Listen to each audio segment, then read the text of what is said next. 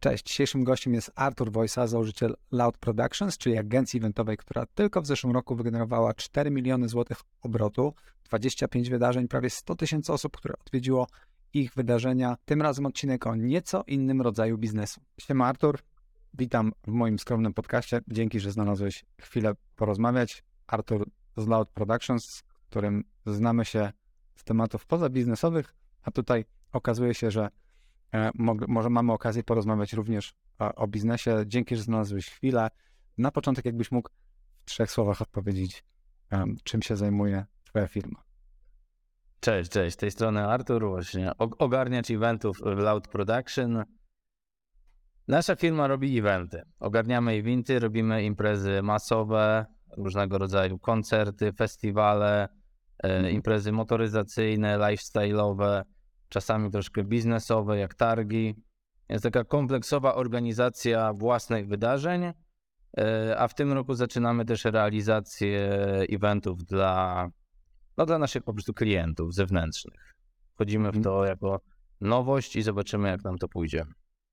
Ekstra. 2022, jak pamiętam, zamknęliście obrotem 4 milionów złotych, 25 zrealizowanych wydarzeń. E, no tam dziesiątki tysięcy ludzi przewinęły się przez organizowane przez was wydarzenia, ale Dobra, zanim... prawie 100 tysięcy, tak. Prawie 100 tysięcy już. Wow. Tak. E, a tak, widzę 97 rzeczywiście, bo trafiłem na waszym, na waszym profilu. E, ale zanim przejdziemy do tych jakby meandrów organizacji biznesu, powiedz w ogóle skąd taki pomysł? To znaczy, jak typowo wygląda ścieżka osoby, która zostaje jak mówisz, ogarniaczem eventów i buduje firmę, która zajmuje się tego typu działalnością? E, nie wiem, jak wygląda typowa ścieżka. E, nie wiem, i studia e, właśnie ku, ku temu. E, ogarniam te eventy już 13 lat, a pierwszy raz w tym roku usłyszałem pytanie, jakie studia trzeba skończyć, żeby organizować imprezy? Znaczy, e, z no tymi nie, studiami to ja jestem taki, powiedziałbym, nie chcę, żeby słuchacze pomyśleli, że to jest jedyna ścieżka do tego, bo, do, do, do, do, do sukcesu, bo w wielu profesjach ja uważam, że studia są niepotrzebne i, i, i, i warto szybciej po prostu zdobywać doświadczenie. No tak, tu, tu, tutaj, tutaj ciężko znaleźć, chociaż na tam na, na handlowe i na WSB są gdzieś tam kierunki po, powiedzmy wspomagające tą branżę, głównie chyba na kierunkach turystycznych, ale no nie, u mnie, u mnie jest to tak od naprawdę od podstaw, czyli Najpierw na, na Politechnice Wrocławskiej organizowaliśmy z naszym klubem motocyklowym jako koło naukowe wystawy motocykli. Wtedy to były mhm. motocykle zabytkowe, później było takie połączenie motocykli zabytkowych ze współczesnymi. Robiliśmy to totalnie zajawkowo, żeby pokazać gdzieś tam naszą pasję wśród innych studentów. No i pe pewnego dnia na jedną z ostatnich wystaw przyszedł e, Wojtek, czyli mój przyszły wspólnik przy jednej z imprez i zapytał się, czy, czy nie zrobilibyśmy tego komercyjnie, skoro, skoro jest zainteresowanie, skoro studenci gdzieś tam chcą oglądać te kilkanaście mhm. tylko motocykli, a przyjechały, przyjeżdżały też jakieś tam grupki zorganizowane po zajęciach po prostu z miasta, no to, to czemu nie zrobić z tego wydarzenia komercyjnego, wydarzenia targowego i no i zobaczymy, co się wydarzy. E, jedyny on rodzony trochę tak z pasji, no bo Rozumiem, tak, że tak. No to jest, u mnie to jest pierwsze tak... wydarzenie to nie było komercyjne, nie było tutaj jakiegoś zamysłu, zaróbmy na tych motocyklach. O... Nie, nie, nie, absolutnie. Absolutnie. To nawet równolegle my jeszcze w tym klubie robiliśmy zloty motocyklowe w, w Maniowie i tam był drugą stronę problem, że tam było wyjściówki już na tę imprezę i później co z tą kasą w ogóle zrobić, po, po co nam to? Więc to, to jeszcze, jeszcze tak w tą stronę szło. E, no, ale wracając do tych targów motocyklowych, doszliśmy do wniosku, że, że robimy to, próbujemy to zdziałać i, i wymyśliliśmy sobie Wrocław Motorcycle Show, który pierwszą edycję miał w budynku Jase w kompleksie hali stulecia, taki mały budyneczek, mm. gdzieś tam jest chyba 2-2,5 tysiąca metrów kwadratowych. No i okazało się, że pierwsza edycja boom, chociaż y, wystawców było strasznie trudno namówić, bo jednak u nas mm Dolny Śląsk to nie są importerzy, tylko głównie dealerzy samochodowi, motocyklowi, więc raczej taka też społeczność lokalna woleli robić swoje eventy gdzieś tam zamknięte dla swoich klientów, a, a po co nam targi?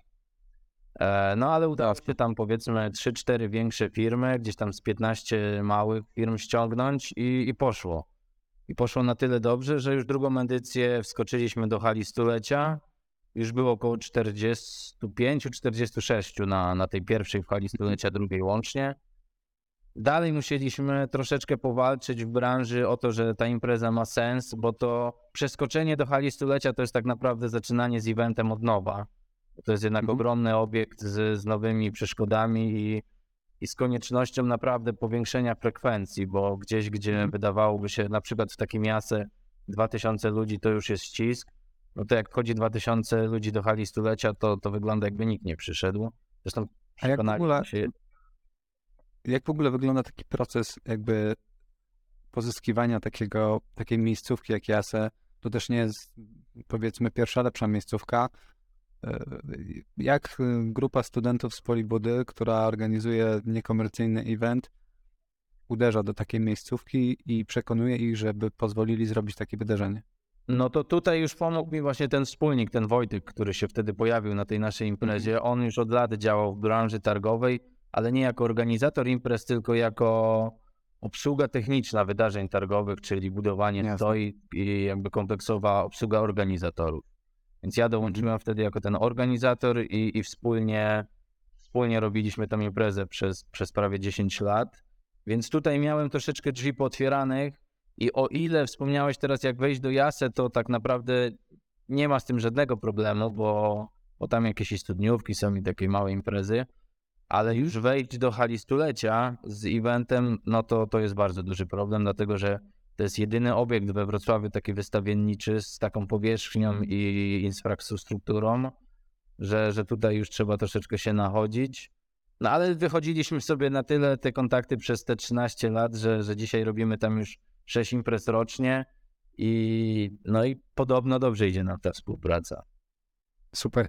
Czyli, jak rozumiem, nie zaczynałeś od razu z własną działalnością, tylko na początku trochę zdobyłeś ten fach i kontakty współtworząc. Nie no, właśnie niestety ja od razu się porwałem, zakładamy fir- zakładam firmę, zakładam działalność, wynajmuję biuro i urządzam je i tak dalej.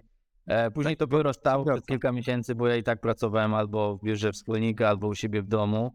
E, Ale tak, ja, ja też przeżyłem ten pierwszy taki wow, załóżmy szybko firmę i, i działajmy. Więc to doświadczenie takie non-profit zdobyłem wtedy jeszcze w tym kole naukowym, ale jak już zaczęliśmy targi, to, to już szło to jakby przez, przez konto firmowe i, i przez takie zdo- zdobywanie też doświadczenia w całej papierologii. I tak troszeczkę to długo trwało, nawet myślę, że za długo, e, jako, jako właśnie jednoosobowa działalność gospodarcza, bo No niech pierwszy rzuci kamień, kto nie zaczynał od firmę, jednoosobowej działalności gospodarczej. e, jeszcze raz? Mówię, niech pierwszy rzuci kamień, kto nie zaczynał od jednoosobowej działalności Tak, gospodarczej tak, tak. na początku. Myśmy, e, tak z ciekawostek, myśmy jak zakładali działalność gospodarczą, to mm, nie wiedzieliśmy jak nazwać firmę i, i nazwaliśmy ją EMG, bo wydawało nam się, że to brzmi fachowo i brzmi em, jak wielka korporacja, jakaś wiesz, typu e, APG czy, czy coś takiego. I nie zdawaliśmy sobie sprawy, że EMG to jest rodzaj badania, przez co moja działalność gospodarcza do dziś nazywa się EMG Michał Sadowski. Do dziś regularnie co tydzień, e, przynajmniej raz w tygodniu dzwoni ktoś do mnie, kto szuka e, miejsca, w którym zrobi badanie EMG. E, Okej, Także okej. Nie, to tutaj działalność ja, ja oczywiście też jako wtedy, no tak naprawdę studenciak jeszcze jak zakładałem tą firmę, to tam załóż, założę nazwę sobie wymyślę z jakąś spacją i tak dalej, nazwałem firmę Gekon, e, bo gdzieś tam się interesowałem terrorystyką, później ta, ta nazwa nie miała nic wspólnego z działalnością i tylko trzeba było się tłumaczyć, e, czemu Gekon, czemu Gekon i tak dalej. Rozumiem, że jesteś No, ale fanem tak jak e, mówisz, Ptaszniki Zająca. Ro- Rozumiem, że jesteś fanem kanału Ptaszniki Zająca. E, To było już 10 lat temu i dzisiaj nie, nie, wtedy nie było kanałów na YouTubie. E, wtedy było forum terrorystyka.com i trzeba było czerpać wiedzę. Pięknie, kuźnia talentów. A, a powiedz, e, jak typowo wygląda jakby skalowanie tego typu biznesu, kiedy ruszasz z pierwszym wydarzeniem non-profit, potem pojawiają się jakieś komercyjne, e, no i jakby pojawia się wizja tego, założyłeś biznes, E, Czy, czy, czy pamiętasz do dziś, kto był pierwszym komercyjnym klientem twojej, te- twojej firmy? E, W jaki sposób go zdobyłeś? To jest zawsze ciekawa historia, jak zdobyć pierwszego klienta, którą najczęściej e, U mnie to pytają troszeczkę młodzi tak wygląda, że mój, mój pierwszy komercyjny klient to dopiero będzie. E, dlatego, że my przez te kilkanaście lat ja organizowałem tylko imprezy pod własną marką, e, czyli Mhm. budowałem e, imprezę od A do Z, jakby cały key visual, cały program imprezy, w ogóle pomysł, e, dla kogo to ma być i tak dalej. Więc my do tej pory nie realizowaliśmy wydarzeń, ani nie wspomagaliśmy innych organizatorów, tylko, tylko tworzyliśmy Klientem jest sam uczestnik. Dokładnie. To imprezy były też e, niebiletowane, typu jako jedni z pierwszych albo pierwsi organizowaliśmy we Wrocławiu zloty food trucków, e, więc to były otwarte wydarzenia, ale to też były autorskie imprezy i, i nie robione pod klienta, tylko, tylko pod, pod, pod uczestników. publikę. Jak Dokładnie. to chce robić? Skąd, skąd ta kasa? E, No kasa była z wystawców i z biletów, więc albo jest e, idealne, jakby idealny schemat na wydarzenie to jest taki, kiedy masz, e, impreza już zarobiła przed imprezą, e, czyli sponsorzy i wystawcy, ale to, to naprawdę trzeba latami do tego dochodzić, jeśli nie ma się jakiegoś dojścia do, do super sponsorów, a później dochodzi jakby ten bilet i, i cały marketing, który nam pomaga w e, sprzedawaniu biletów i w promowaniu naszych wydarzeń. No a w przypadku tych y, street foodowych wydarzeń dochodzą tacy wystawcy jak gastronomia, food trucki i, i na przykład festiwal Pasi Brzucha, którego byłeś uczestnikiem, gdzie, gdzie tu 100% budżetu imprezy to są e, sponsorzy i wystawcy. I w sumie najfajniejsze chyba w tej imprezie jest to, że jest darmowa, a, a ma w sobie no tyle atrakcji, że, że pół miasta pierwszy weekend lipca jedzie do nas. Super. Zastanawiam się, bo w- możesz podpowiedzieć, w którym roku rozpoczęliście działalność? E, Oficjalnie 2011 założyłem e, działalność. E, Wcześniej Super, te- mieliście, mhm, to mieliście pewną rozbiegówkę przed okresem pandemicznym, który domyślam się, że dla twojej branży był szczególnie bolesny. No u mnie w moim przypadku akurat ta pandemia przyniosła, no nie powiem, że same pozytywne rzeczy, bo no stres był ogromny. My się przygotowywaliśmy wtedy do dziesiątej edycji targów motocyklowych i to miał być wielki jubileusz z wielkim boom, atrakcjami i, i naprawdę no dwa lata do jednej edycji przygotowań. No i dwa tygodnie przed imprezą dowiadujemy się o. Nie no, miesiąc przed imprezą dowiadujemy się, że coś się dzieje na świecie. Dwa tygodnie przed imprezą dowiadujemy się, że, że hala stulecia będzie zamknięta na cztery kłódki. I to ten pierwszy taki strzał to, to był po prostu strzał w twarz i, nie wiedzieliśmy, co dalej, jak się z tego pozbierać. Plusem było to, że nie spaliliśmy sobie żadnych kontaktów w branży, czyli jakby sprzedając, y, kupujący bilety odzyskali kasę, y, wystawcy odzyskali kasę i, i to jakby w tym wszystkim to szybkie takie zadziałanie chyba nas uratowało i zostaliśmy na rynku, bo, no bo robiąc imprezy swoje, to jeśli byśmy nadszarpnęli naszą markę, no to, to byłoby już po nas, a tutaj szybko udało się zadziałać.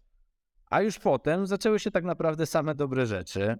I ta pandemia, przez to ile czasu było wolnego i głowa pełna pomysłów, odświeżenie też różnych kontaktów, e, z którymi się współpracowało tylko komercyjnie, a te pierwsze miesiące zamknięcia, lockdown, to, to też trochę odświeżyło się takich online'owo, e, może nie przyjacielskich, ale gdzieś tam takich luźnych już rozmów, co u ciebie, jak ty sobie radzisz. No i tak powstała moja druga spółka, tak powstała moja jakby Loud Production w sumie też, więc ta pandemia nas prze, troszeczkę wyczyściła z tego, co było, a, a pootwierała znowu nam dużo drzwi, bo tak powstał właśnie festiwal Pasi Brzucha i, i kontakt e, od Piotrka z Pasibusa, że, że zróbmy coś, bo mamy teraz więcej czasu. E, moja druga spółka High Octane z piwem rzemieślniczym też jakby wtedy powstała, bo Maciek się ze mną skontaktował, z którym to teraz tworzę, że mi się piwa nie sprzedają, ty nie robisz eventów, mamy parę miesięcy wolnego, więc zróbmy coś. No i kurczę, podzwoniłem, a wcześniej robiliśmy jeszcze taką akcję na jednej z moich imprez Custom Convent, że wypuściliśmy jedno piwko e, festiwalowe, ono fajnie siadło Więc jakby, no dobra, to zróbmy to na większą skalę i no i dzisiaj mija trzeci rok i naprawdę, naprawdę fajnie się to wszystko rozwija. Więc Super. e, wiem, że mnóstwo branży eventowej w pandemii upadło. E, widziałem, co się dzieje na grupach facebookowych, takich typowo sprzedażowych ze sprzętem targowym, estradowym. Mhm. A nie ma co ukrywać, że patrzyłem też na różne aukcje komornicze i tak dalej, więc no czystka była straszna i, i źle się zadziało, ale no liczę, że, że to, co się u mnie wydarzyło wtedy, mam to do dzisiaj, wydaje mi się, że na plus, no to to już będzie tylko owocować, ale, ale to jeszcze za krótko, żeby w niektórych przypadkach powiedzieć, że tak, wow. Jasne. Często takie pandemiczne, czy nawet nie pandemiczne, ale kryzysowe doświadczenie to jest taki okres, który e, no, hartuje e, wiele biznesów, pokazuje im, gdzie tak naprawdę jest em, przychód, w których miejscach, które miejsca może tego przychodu generują trochę mniej, e, Mhm. które elementy prowadzenia biznesu są absolutnie niezbędne. Wydaje się, że w ogóle twoja branża to jest ogólnie branża dla ludzi mocnych psychicznie, bo nawet bez pandemii często słyszy się o różnych wyzwaniach związanych z organizacją wydarzeń, czyli nie wiem, gwiazda wieczoru, która odwołuje w ostatniej chwili e, wydarzenie, albo em, jakiś nieprzewidziany e, fuck up technologiczny. No tutaj e, przed nagraniem tego podcastu przez pół godziny walczyliśmy z Riverside'em, na którym nagrywamy tę rozmowę, więc o, o jeśli rozmowa dwój, dwójki ludzi czasami może wygenerować problemy techniczne, to co dopiero wydarzenie na kilkadziesiąt tysięcy osób z ogromną ilością sprzętu, transmisji, e, audio, wideo, najróżniejszych urządzeń, jakby ile tam rzeczy jest, które mogą się wysypać, jak to, jak to znieść psychicznie. No naszym największym fuck-upem chyba do tej pory w karierze to jest, e, spaliły się wszystkie urządzenia na scenie. E, I to tak naprawdę każdy głośnik, każdy przedwzmacniacz, e, potencjometry w gitarach zespołom. E, na szczęście nikomu nic się nie stało, ale po prostu ja się nie znam na elektryce, od tego tam byli ludzie, ale, no ale wydarzyło się bardzo źle, bo to środek imprezy, coś poszło nie tak z prądem. e, to było, w ogóle impreza była na starym lotnisku wrocławskim, więc wydawałoby Mhm. się, że, że no, gdzie jak nie na takich obiektach e, będzie wszystko w porządku. A nie było. Dobrze, że ubezpieczalnia to jakby wzięła na siebie, ale no to, to się zadziało. I to było taki pack-up, który chyba jedyny, gdzie nasi odwiedzający wyłapali go. Bo impreza rock'n'rollowa, cztery zespoły na scenie mają za chwilę grać, a tutaj no nawet piwo się pieni, bo, bo nie ma prądu w tych w nalewakach. I, to- I tak naprawdę to było Custom Convent. Ja byłem przekonany, że to już jest ostatnia edycja Custom Conventu. Na szczęście okazało się, że publiczność dużo wybacza. Jak e, robisz imprezy takie autorskie i nie robisz ich tylko po to, żeby sprzedać jak najwięcej biletów, ale po to, żeby naprawdę zintegrować jakąś branżę, albo rozrywkowo, albo biznesowo i, i Mhm. gdzieś tam pracujesz na, ten, na tą swoją markę kilka lat, to, to nawet, największy fuck up e, są w stanie wybaczyć. I tak naprawdę to była taka edycja, która zresetowała znowu, e, może nie firmę, ale to wydarzenie. I już później było tylko dużo, dużo lepiej. My też e, wiedzieliśmy już, jak się lepiej przygotowywać, jakie mieć zabezpieczenia i plany B na takie sytuacje. I już później posz- poszło dużo łatwiej. A ogrom e, fuck-upów po prostu nie widzicie, jakby odbiorca nie widzi tego na wydarzeniu. My mamy swój harmonogram i on nie ma nic wspólnego z tym, który się wyświetla dla, dla odwiedzającego. I tam w, dla, w harmonogramie dla gości powiedzmy jest tam 10 punktów e, kulminacyjnych wydarzenia, a, a w naszym jest 30. Jak nasze nawet tam 3-4 wypadną, no to, to robimy to tak, żeby to się albo rozmyło, albo po prostu zastępujemy to szybko czymś innym, żeby ciągłość imprezy była. Bo Mhm. no to jest ważne, tak, żeby jednak odwiedzający to są nasi klienci. To nie jest tak, że my robimy wydarzenie, sprzedajemy bilet i żegnamy się. E, To nie są targi na przykład ślubne, gdzie tylko raz, e, raz w roku masz jednego klienta i on już do ciebie raczej nigdy nie wraca. My, my Mhm. raczej zawsze budujemy markę naszych wydarzeń i jakby no, liczymy troszeczkę na tą kulę śnieżną, że im więcej osobom się spodoba to wydarzenie, no to oni wrócą do nas za rok e, i, zabiorą jeszcze swoich znajomych. Więc jakby tak, tak, taki cel sobie obraliśmy, taki rodzaj wydarzeń robimy. No i na szczęście się to sprawdza i te właśnie fakapy są przyjmowane w miarę gładko. Jasne. Czyli y, jak rozumiem, pilotujecie cały proces powstawania wydarzenia. Rozumiem nie tylko organizację techniczną, logistyczną, ale też na przykład marketing? Tak, tak. No to mówię, to jest od, od pomysłu na zróbmy imprezę o do Mhm. wielki ukłon i, i dziękujemy wszystkim, którzy przybyli. Więc jakby i, i stworzenie całego K-Visuala i zaplanowanie strategii marketingowej. Sprzedaż biletów robimy no, przez partnerów. W tym roku działamy z Empikiem, Going Upem, więc też, też to fajnie gładko idzie. Poprzez przy, przygotowanie całej infrastruktury, animację później czasu na wydarzeniu, no i posprzątanie tego wszystkiego. Więc to Super. jest, to jest taki model. I jak wygląda zespół? E, Podpowiedz, bo e, brzmi jak e, firma o bardzo szerokich kompetencjach, zarówno marketingowych, jak i nie wiem, ludzie, którzy znają się na e, obróbce wideo, czy streamingu dźwięku wysokiej jakości, czy tego typu rzeczach.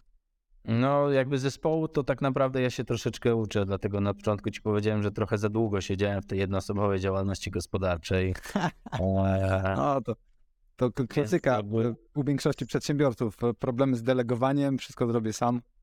No właśnie to jest chyba największy ten problem, że wszystko zrobię sam i znam się najlepiej, więc myślę, że jak reszta zespołu będzie tego słuchać, to, to uśmieszki będą niezłe, ale u nas też nie wszystko sami robimy. Mamy zespół stosunkowo nieduży, bo 5-6 osób, a, a dużo zadań jest po prostu delegowane na zewnątrz. Mhm. I w branży eventowej to, to też jest. To jest trochę w opinii ze skrajności w skrajność, dlatego że nasi zwiedzający często wydaje mi się, że my rozpoczęliśmy przygotowania do tej imprezy w piątek i w poniedziałek już liczymy kasę i tracimy ją przez rok i widzimy się za rok, a, a z drugiej strony to nie, no to my przykładowo robimy pierwszą edycję x czasu, kończymy ją w niedzielę, a w poniedziałek już rozpoczynamy przygotowania do tej, co będzie za rok. Więc jest to na tyle fajnie rozłożone w pracy, że te zadania naprawdę można na zewnątrz dużo oddelegować. No i też nie trzeba jakby trzymać e, takiego wielkiego zespołu na etacie i, i do wszystkiego, bo przygotowanie plakatu i jakichś tam ramek do później ogłaszania czy zespołów, czy wystawców, to, to jest po prostu zlecenie, a, a my tylko się zajmujemy później kolportacją tego.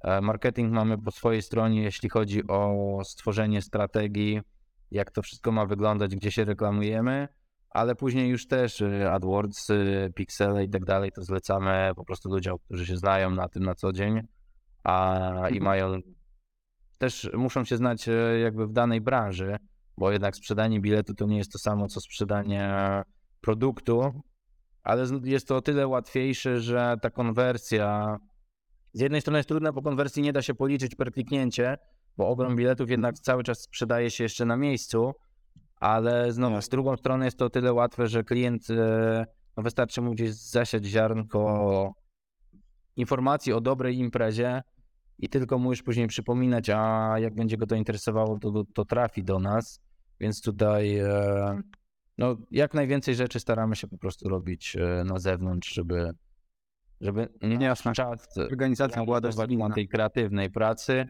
a, a typowo Mhm. technicznej już rzeczy zlecać.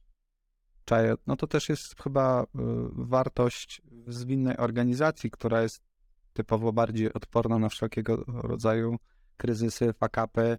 Jeśli odwołuje cię targi ślubne, bo hala stulecia okazuje się być zamknięta ze względu na 18 falę COVID-a, e, no to jakby wytrzymać ten okres na kilkuosobowej załodze versus kilkudziesięcioosobowej załodze jest fundamentalnie łatwiej. No i, tak chyba, No to pomaga.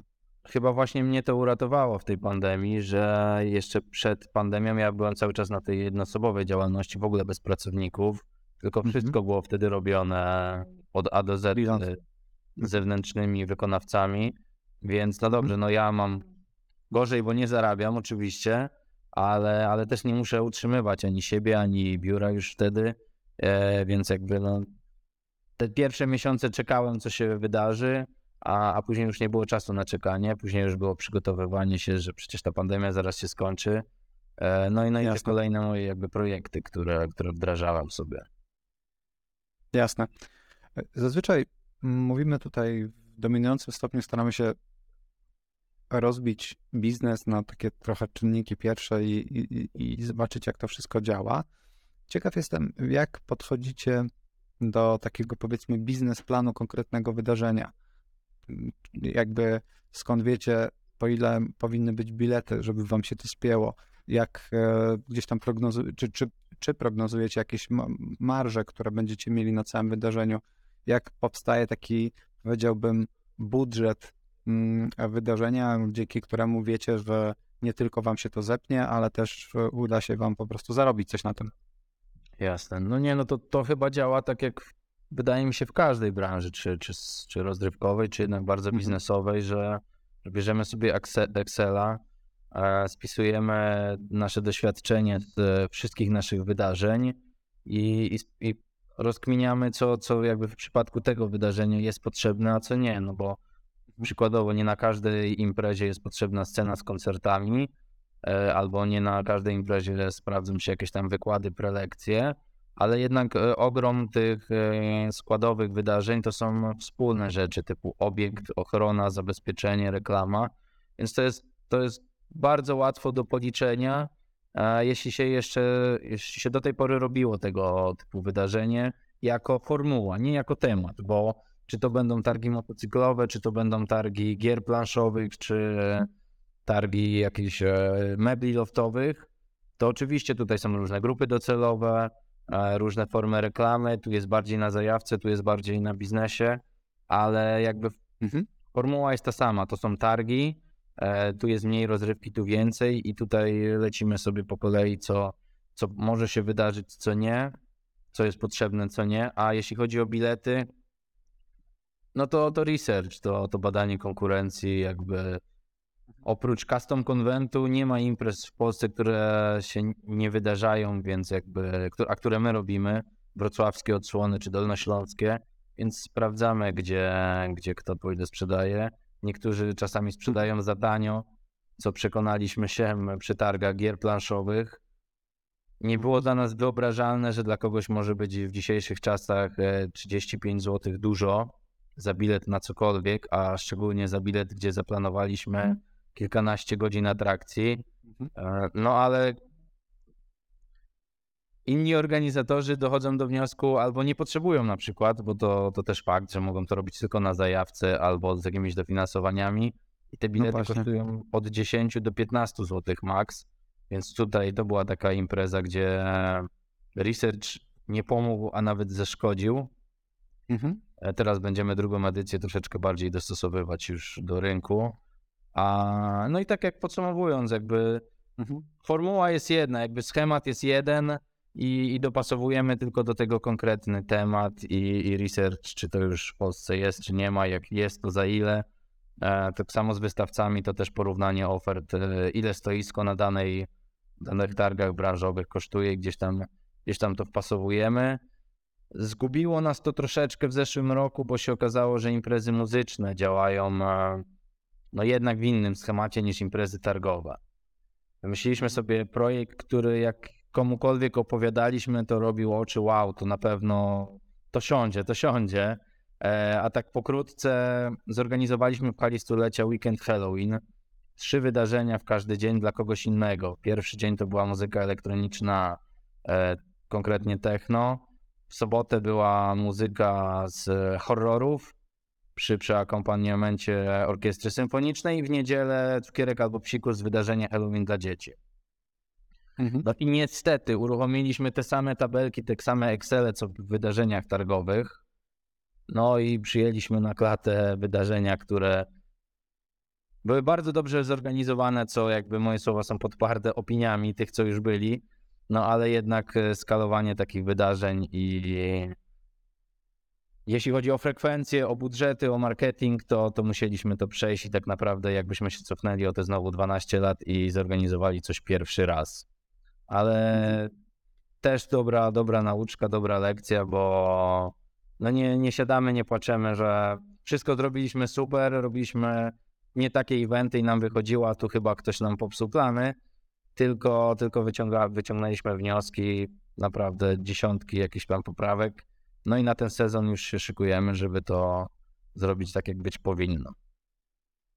Jasne. nadzieję, że Po- wypali. Powiedz, e, powiedz, wydaje się, że najtrudniejszym elementem tego planowania budżetu e, konkretnego wydarzenia jest zaplanowanie ceny biletu, bo mm, inna cena będzie dla powiedzmy, nie wiem, e, facetów 40 plus, którzy e, są zainteresowani luksusowymi samochodami, a inna będzie cena, tak jak mówisz, fanów gier planszowych. e, Nie wiem, właśnie może niesłusznie oceniam branżę gier planszowych jako em, taką nie, nieskłonną do zapłaty wyższych cen, ale na pewno będą rozjazdy pomiędzy różnymi grupami celowymi. Czy są jeszcze jakieś narzędzia, dzięki którym można tego typu ceny wynajdywać inne niż analiza konkurencji? Czy są jakieś, czy nie wiem, korzystacie z jakichś e, badań albo ankiet, albo robicie jakiś research e, w tym gronie docelowym i e, badacie tą wrażliwość cenową? No nie, tutaj, tutaj jednak e, jest e, praktycznie tylko ta analiza grupy docelowej, czyli w ogóle dla kogo to wydarzenie organizujemy i te ceny biletów dostosowujemy do, do właśnie do naszych odbiorców, czyli czy to będzie rodzina z dziećmi, czy to będzie e, facet, który przy- przychodzi się wyszumieć, czy, czy, czy para, bo to też bardzo dużo daje, bo co innego jest wydać 5 dych, a co innego wydać jednak już za parę stówę. I więc to, to Załóżmy, że mamy jednodniową imprezę dla rodziny z dziećmi, dla, typowo dla rodzinki z dwójką dzieci. Jak zaplanowałbyś cenę takiego? No to, to nasza polityka jest taka, że te dzieci może nie wpuszczamy za darmo, bo, no bo jednak na biletach zarabiamy, ale robimy wszystko po to, żeby te dzieci nie były taką e, antydecyzją, przeszkodą w decyzji zakupowej. Czyli to, to ma Mhm. być ok, idziemy, możemy zabrać dzieci, nie, nie będzie to dla nas przeszkodą w budżecie, a nie, że, że rodzic musi gdzieś tam się zastanawiać, czy, czy wziąć te dzieciaki, czy nie, no bo jedna wejściówka to jest 50 zł, ale cztery to już mogłyby być 200. I Mhm. przy tych imprezach nawet takich nie, nieoczywistych dla dzieci, czyli na przykład targi motocyklowe, też wprowadzamy właśnie bilety rodzinne po to, żeby budżet nie był blokadą uczestnictwa w wydarzeniu. A cudownym, no jakby biznesplanem jest, jest taki festiwal Pasi Brzucha, gdzie Mhm. gdzie jakby każdy może sobie pozwolić nie dość, że na uczestnictwo w imprezie, to, to jeszcze uczestnicy ci komercyjni, na przykład wystawcy czy gastronomia, no są bardzo zadowoleni, bo, bo więcej kasy wyda odbiorca na, już na miejscu. Minusem jest no nasza spinka przed wydarzeniem, bo, bo przyjdzie deszcz i no i ci ludzie po prostu nie przyjdą. Mhm. Bo mamy już statystyki z e, imprez biletowanych, gdzie w przedsprzedaży zakupionych 30% biletów zakupionych w przedsprzedaży nie przychodzi na wydarzenie, jeśli jest bardzo zła pogoda. I to Jasne. nawet przy biletach za 70-80 zł, jeżeli impreza jest plenerowa, a warunki są no bardzo niekorzystne, to ci ludzie wolą machnąć ręką niż się później męczyć na miejscu. A co dopiero przy wydarzeniach, gdzie są no, wyskalowane, tak jak Festiwal Wasi Brzucha, 50-60 tysięcy osób, no to na szczęście do tej pory ta pogoda nas delikatnie traktowała i gdzieś tam tylko w piątek popadało na, i na pierwszej i na drugiej edycji, a później było już ok. Ale no, no niestety, przy, przyjdzie, przyszedłby deszcz na, na trzy dni festiwalu, to, to nie dość, że nie, nie, nie byłaby zadowalająca frekwencja, no to wystawcy i partnerzy, którzy się pojawili na tym wydarzeniu dla 50 tysięcy osób, no też pewnie będą ciężkie rozmowy, ale, ale na szczęście dobieramy sobie tak partnerów, żeby, żeby to wszystko szło fajnie i tak po ludzku, a nie tylko, nie tylko żeby się w tabelkach zgadzało. Więc zobaczymy, Jasne. mamy kciuki za pogodę. No to rzeczywiście jest e, ten typ wydarzenia, w którym nie sprzedajecie biletów, tylko e, jakby kasa jest od wystawców. E, no to i, i, i- odbywa się na powietrzu, to jest rzeczywiście gigantyczne wyzwanie, bo tak jak mówisz, najfajniejsze są te eventy, gdzie masz sprzedane bilety i domknięte wydarzenie przed rozpoczęciem się wydarzenia i można wtedy jakby skutecznie zarządzać budżetem, jest mało elementów, które mogą was zaskoczyć. No, a w przypadku, w którym powiedzmy trzy, dni jakimś cudem bylało na festiwalu Pasi Brzucha i to bardzo mocno, no to pewnie wszyscy byliby e, gdzieś e, poszkodowani w- wystawcy, no bo e, wiadomo, że, że, że, że zostawili, jakby klienci by zostawili mniej kasy. No i tutaj wracamy do twojego pytania sprzed kilku minut, że o stresie w branży eventowej. I to, Mhm. to są właśnie takie rzeczy, które ja, ja staram się podchodzić do tego, że trzeba rozwiązywać problemy, a nie szukać nowych, a większość problemów nawet nasz odwiedzający nie zauważy, nawet jak nie podołamy im sprostać, ale, ale jednak no właśnie warunki atmosferyczne przy tych imprezach plenerowych głównie, no to jest coś, co nie masz na to żadnego wpływu. No i owszem, no wszyscy będą wiedzieć, że tak, to nie twoja wina, że pada deszcz, no ale nie twoja wina nie załatwia jakby niezrealizowanych później nie, oczekiwań. Jasne. E, więc tutaj no, trzeba po prostu gdzieś tam zacisnąć te zęby i, i przejść przez to. No i też liczyć na, no, na statystykę, tak. E, No ciężko chyba byłoby znaleźć. Mam nadzieję, że po dzisiejszym nagraniu nie wydarzy się tak, że przez 10 lat na moich imprezach będzie lało, ale no chyba ciężko tak znaleźć, e, żeby no wszystkie edycje coś psuło, więc też trzeba w miarę z głową to wszystko planować i budżetować, żeby to nie było tak, że impreza ma wyjść albo na zero, albo zarobić na tu i teraz, tylko trzeba mieć w Mhm. głowie, że w tym roku było fajnie, ale w przyszłym może już nie być za ciekawie. I miejmy to gdzieś z tyłu głowy, planując nasze budżety, bo Custom Convent właśnie tegoroczny pokazał to, że przez 9 lat było, przez 8 lat było super, była naprawdę kalifornijska pogoda i co pasowało ekstra do naszej imprezy i naszego programu. Dziewiąta edycja, no dwa dni, trzy dni lało od, od rana do wieczora i, i no i pokazało, że ta frekwencja wtedy się no, rozmywa jak ten deszcz w tej kałuży, że to czy miałeś sprzedane bilety, czy nie, to już o niczym nie świadczy, bo, bo jest niefajnie. Tutaj jest Jasne. spoko, bo to jest impreza robiona no, dla, dla zajawkowiczów, więc i wystawcy, i zwiedzający są mocno związani. To jest chyba takie nasze największe wydarzenie, jeśli chodzi o taką komunikację z naszymi odbiorcami, fanami, ale, no, ale to nie zmienia faktu, że no, nie będę jechał na drugi koniec Polski po to, żeby patrzeć się na te zamknięte auta, motocykle i koncerty, które się może odbędą, które nie, no bo w sumie po co, po co je organizować, jak, jak będzie lało.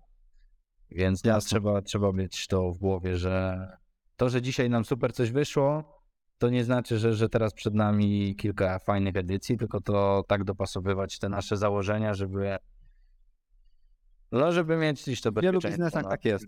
W wielu biznesach tak jest i dzisiejszy sukces, dzisiejsze sukcesy, zarąbista sprzedaż w danym miesiącu niekoniecznie jest gwarantem tego, że w przyszłym znowu będzie tak samo i to jest, myślę, w większości biznesów, może z waszej branży troszkę bardziej, ale w większości biznesów to jest taka nieustanna walka o to, żeby mm, wypływać.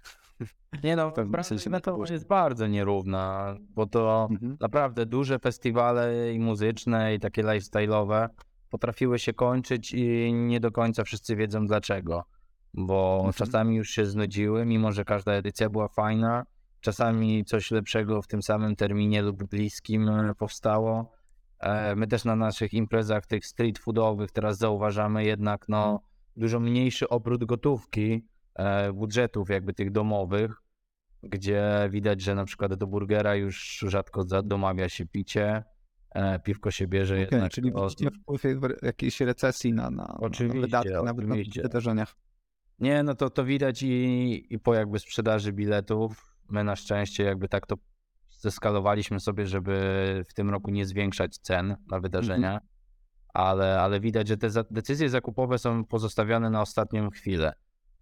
I to też no, dodaje troszeczkę stresu, bo widzisz, że nie wiem, trzy miesiące przed imprezą w zeszłym roku już miałeś sprzedane 500 biletów, dzisiaj masz sprzedanych, nie wiem, 60-70 sztuk, ale to, to też przy fajnych eventach nie znaczy, że, że ta impreza się nie odbędzie, czy będzie gorsza, tylko po prostu ludzie dłużej chcą mieć tą gotówę przy sobie i, Jasne. i nie wydają ją na ostatnią chwilę. No, kolejne to jest to właśnie, co ci mówiłem, że, że do burgera już się rzadziej dokupuje picie, a piwko to raczej e, z tego tańszego kranu. No i rozmowy z, ze sponsorami, z partnerami są e, cięższe, dlatego że no, jest tak jak w 2008, my wtedy robiliśmy te imprezy niekomercyjne jeszcze, ale jednak e, oparte zloty na, na sponsorach i wtedy ta tarcza pierwsza to była taka, no nie, jest kryzys, więc dzisiaj wszelki sponsoring zamykamy, więc dzisiaj też to widzimy.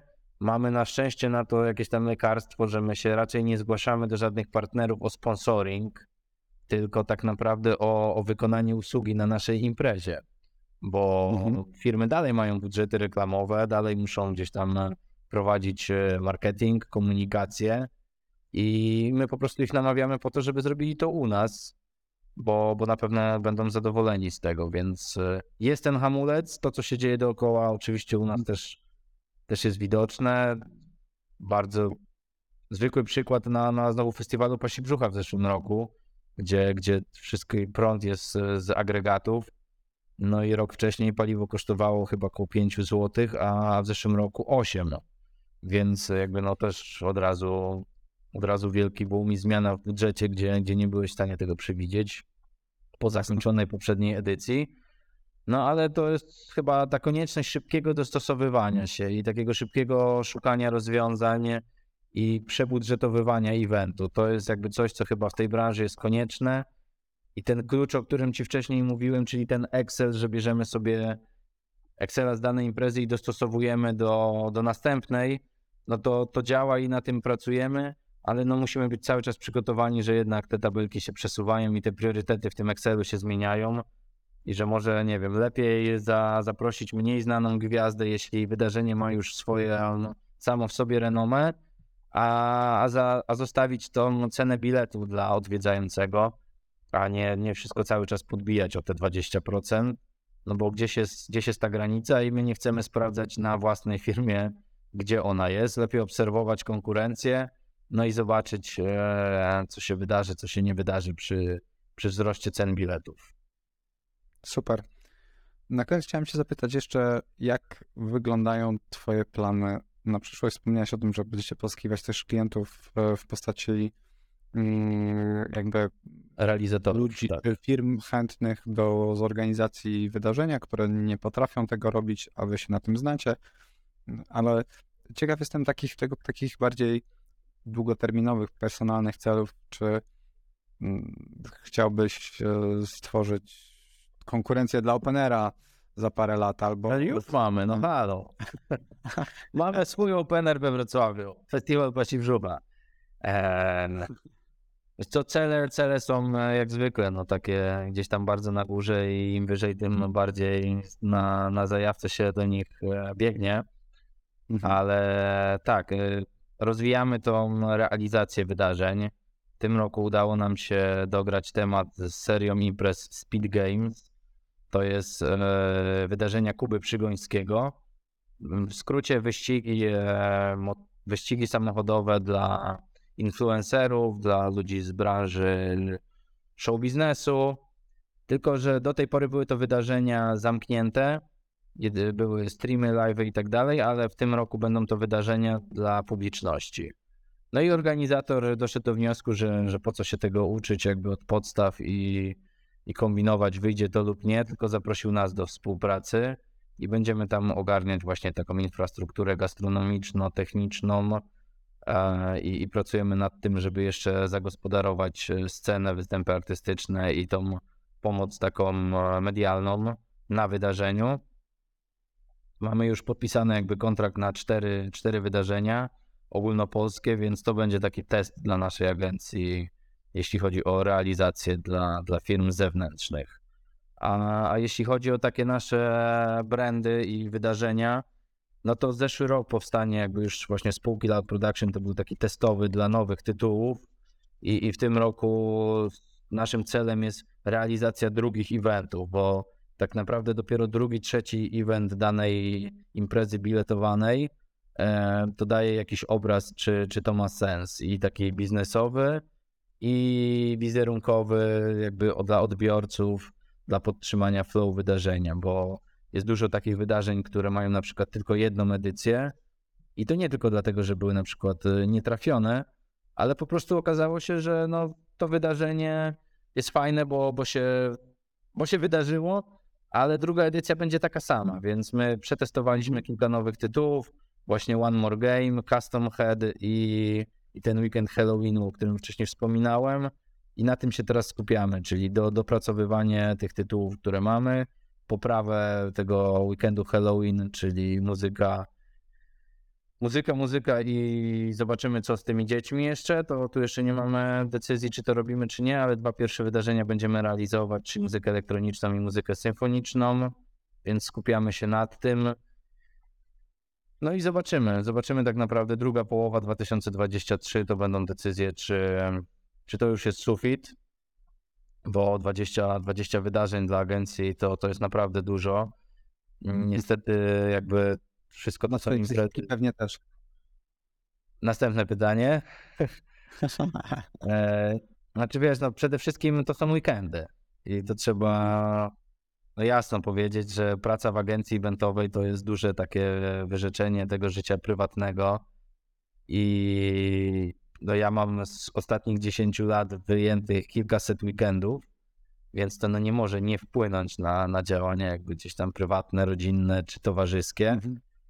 No, ale idziemy w tym kierunku, że, że wygaszamy nasze małe projekty, które albo nie mają jakichś spektakularnych zasięgów przy imprezach e, niebiletowanych, albo mają słabe wyniki w e, sprzedaży biletów.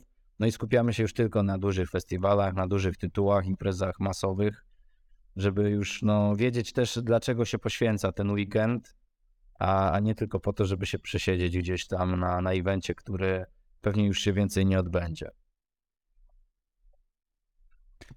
Trzymam zatem kciuki panie za jak najlepszą pogodę i jak najmocniejszą psychę, żeby to wszystko Ostatnio spotkałem się z klientem, który ma no, kontrowersyjną e, teorię, żeby zapraszać komercyjnie pogodynki na wydarzenie. I to podobno jest 100% sukcesu. Ma to podparte już pięcioma wydarzeniami, więc zaczynamy się zastanawiać nad tym rozwiązaniem, ale, ale to tak w ramach przerywnika. Super, na pewno będą jeszcze okazje pogadać. Dzisiaj dzięki bardzo, że znalazłeś czas. E, No i Ja również dziękuję za kolejne opowiadania. No i mam nadzieję, że miliony i tysięcy ludzi. Tak, tak, oby, oby. Super, dzięki bardzo. Dzięki, do zobaczenia, do usłyszenia.